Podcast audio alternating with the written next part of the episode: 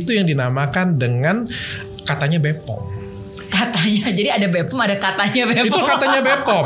Baru tahu. Ada lagi namanya nebeng Bepom. Aduh sedih banget rasanya mau nangis. Semua orang itu nakutin saya bangkrut kau. Richard kau bangkrut selesai. Saya juga sering banget ngalamin seperti itu ya. Nyombong punya sesuatu, nyombong punya ditaksir cewek ya itu punya kan ketahuan kan malu banget.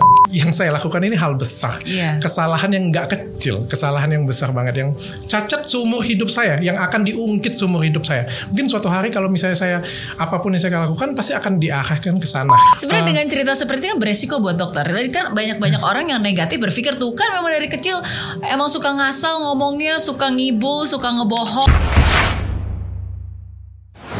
Nasihat terbaik apa nih yang dokter Lip pernah dapatkan dalam hidup? apa ya mungkin ya kerja keras lah ya semuanya itu uh, semuanya kerja keras dan juga harus punya niat kalau orang nggak punya niat itu nggak punya inti dari kegiatan dia Hmm. jadi ya kok kamu nggak akan dapetin apa-apa Hmm. Titik terendah yang pernah dokter Richard alami? Eh kemarin saya pernah buat status sekitar tiga tahun yang lalu status Facebook dan itu sensitif banget pada waktu itu saya menyinggung HRS Hmm. fatal banget. Iya. fatal banget. Saya dicari semua orang di Indonesia dihujat semua orang. Jadi jangan lihat yang saya sekarang yang uh, banyak yang dukung katanya kayak gitu ya. Pada tiga tahun yang lalu saya dihujat banyak orang. Dan saya dicari dicemooh banyak orang. Kenapa buat status seperti itu? nggak penting itulah yang saya pikirin juga. Kenapa saya buat status itu? Ya namanya kan orang punya boleh salah dong ya dalam Ah. hidup ya. Ya namanya kita berpendapat dan kita salah pada waktu itu. Saya akui saya salah. Hmm. Nah semua orang kan bisa salah, Hmm. bisa hilaf lah kita bilangnya gitu. Hmm. Dan saya pada waktu itu memang salah. Mau ngomong apa? Lalu Saya dicari semua orang, ketakutan banget. Saya waktu itu lagi sekolah, nggak konsen. Ngelihat guru tuh belajar apa, saya nggak konsen bener-bener. Saya waktu itu lagi sekolah American Academy dan nggak konsen banget.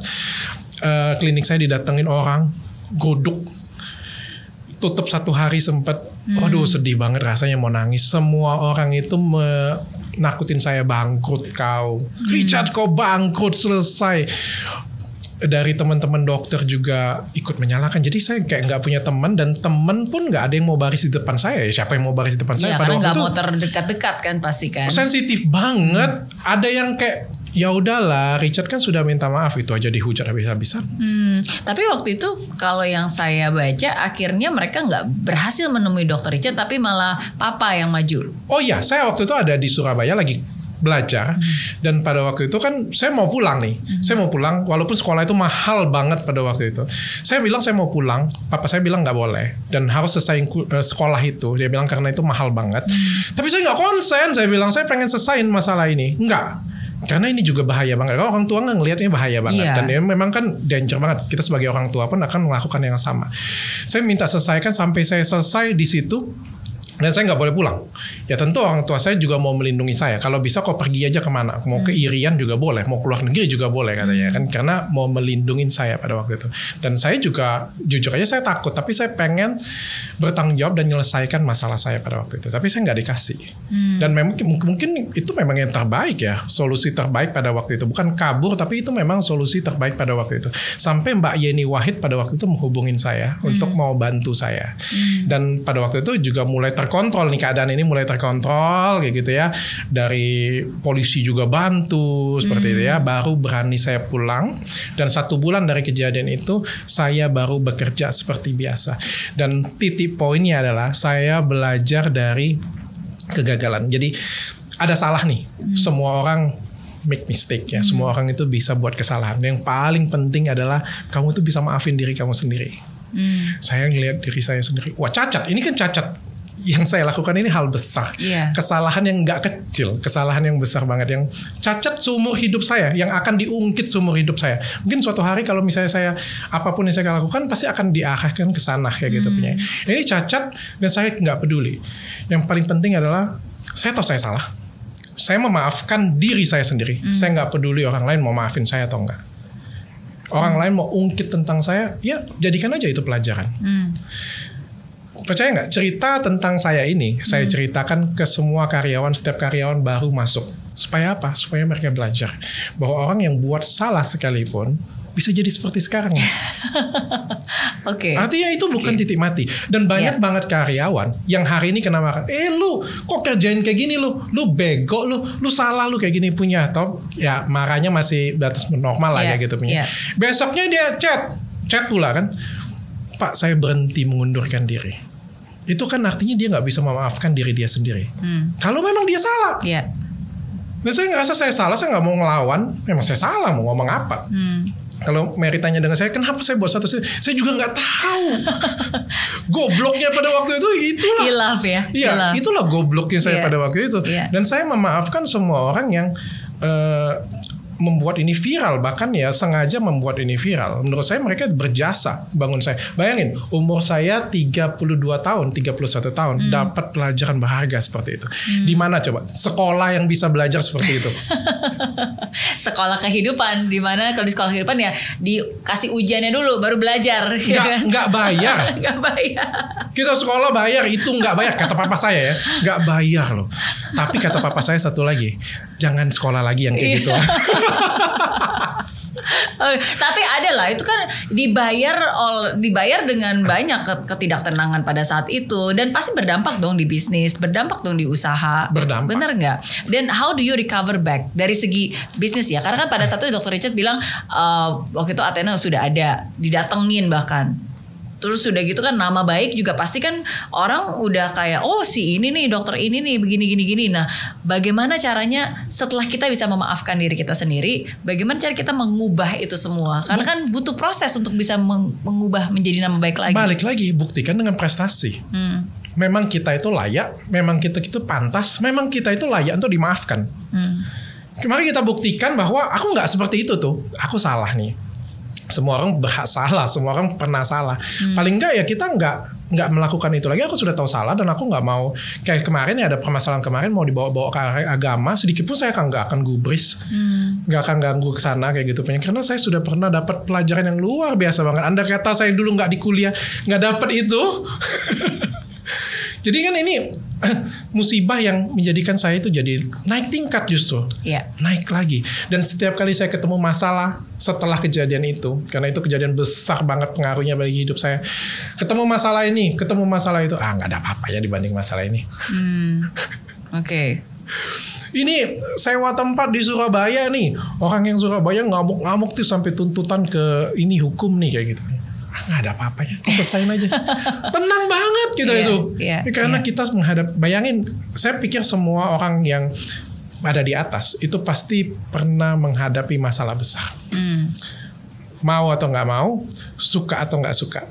Ya, setuju. Maksudnya orang bes orang bisa menjadi besar karena dia berhasil menyelesaikan masalah-masalah besar yang pernah terjadi dalam hidupnya. Dan saya cinta masalah saya itu. Andai kata memang harus diulang lagi, saya bisa ngulang waktu, mungkin saya akan tetap mengulangi kejadian yang sama, bukan ngulangin kesalahan yang sama, supaya saya dapat pelajarannya, Hmm. supaya menjadikan saya jadi orang yang lebih baik.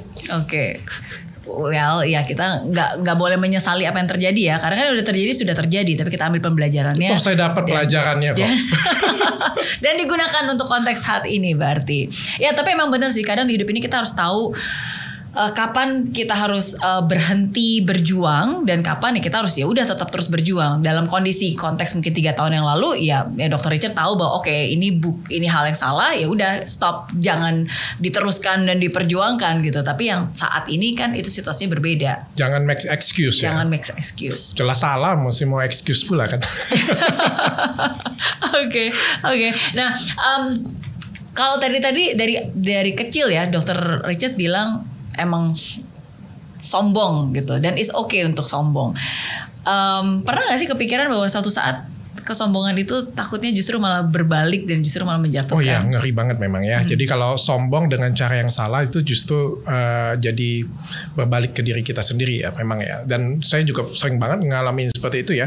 Nyombong punya sesuatu, nyombong punya ditaksir cewek ya itu punya kan ketahuan kan malu banget. Iya. Saya pernah waktu SMP itu nyombong bisa buat tulisan yang bagus dalam bahasa Inggris puisi untuk memikat wanita lah kayak gitu ya. Padahal lirik lagu tuh yang saya tulis.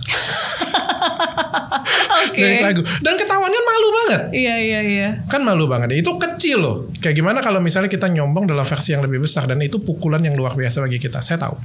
Iya. Tapi yang saya dapetin juga Sebenarnya uh, dengan cerita seperti itu kan beresiko buat dokter. Jadi kan banyak-banyak Hmm. orang yang negatif berpikir tuh kan memang dari kecil emang suka ngasal ngomongnya, suka ngibul, suka ngebohong. Siapa sih yang dari, dari kecil sampai besar itu nggak punya eh, pengalaman negatif dalam hidup dia?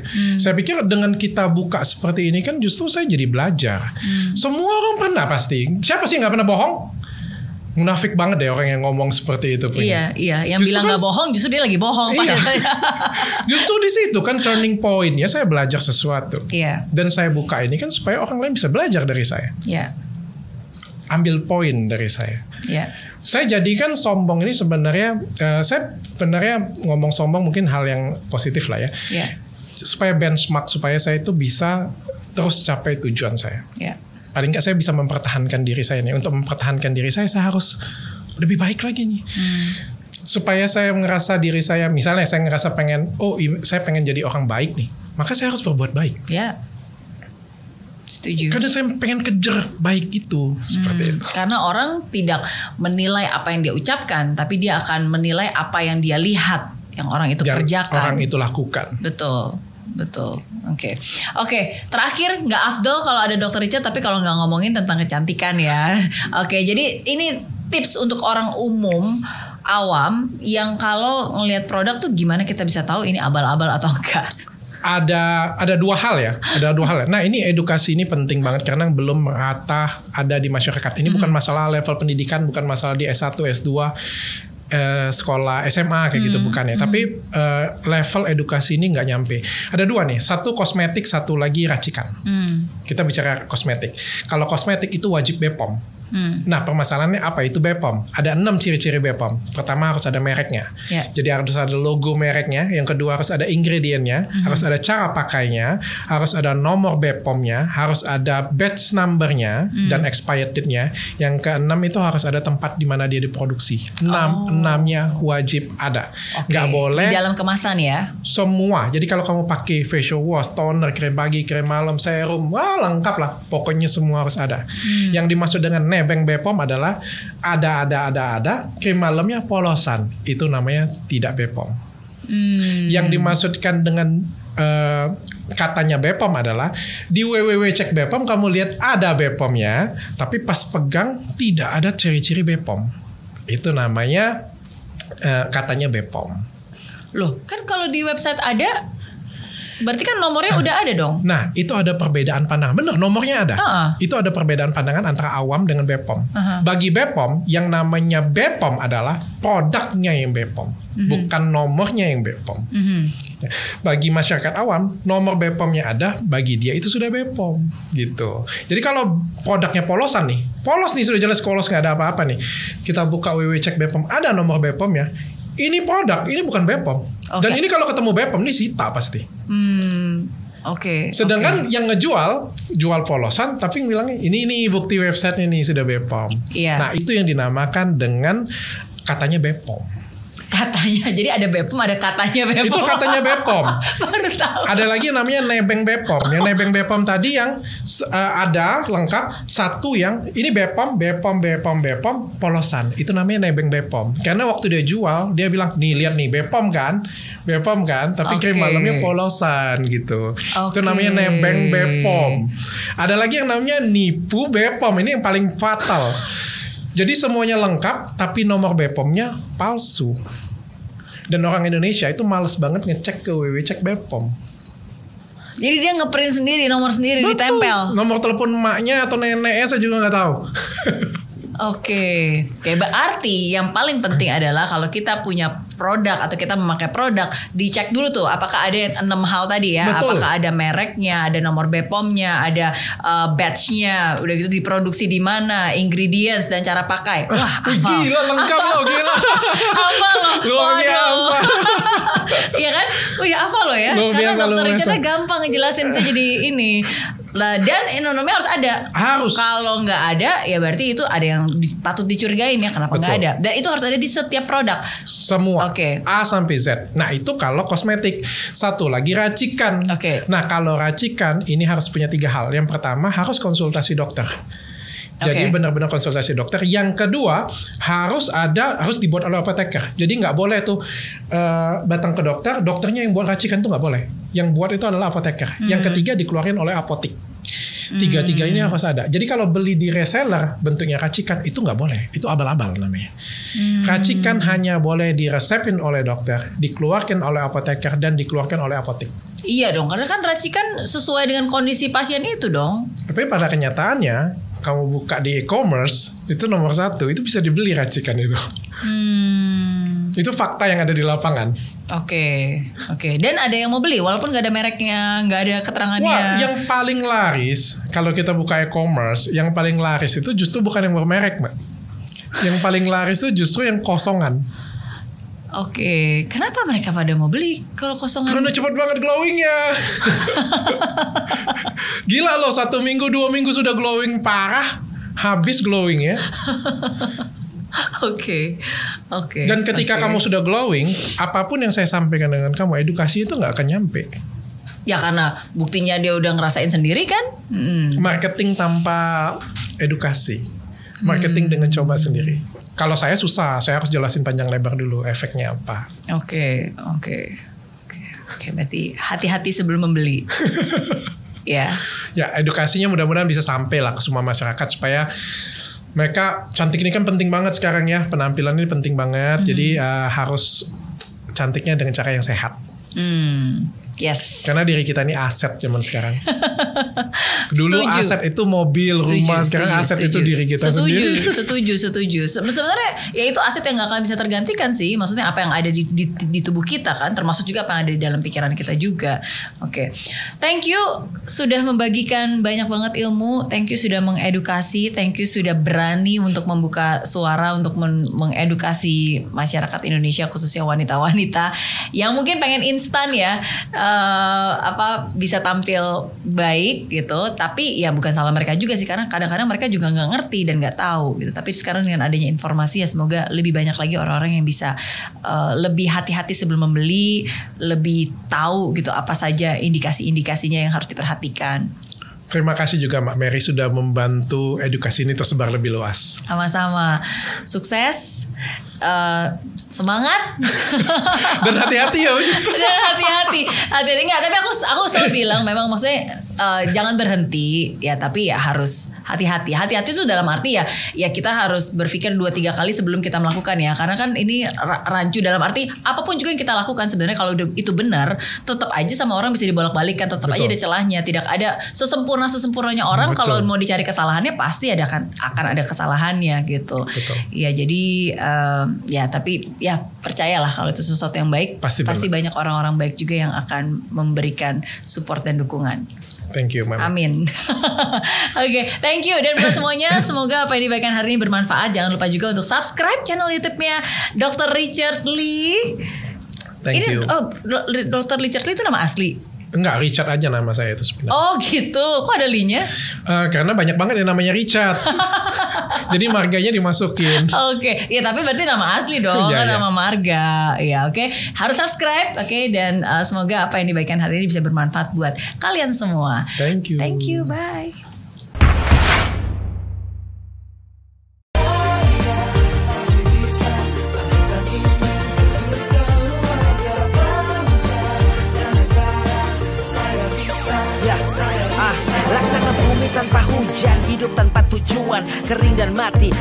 Hijaunya tumbuhan. Ah, demikian kalau mimpi tak kunjung terjadi.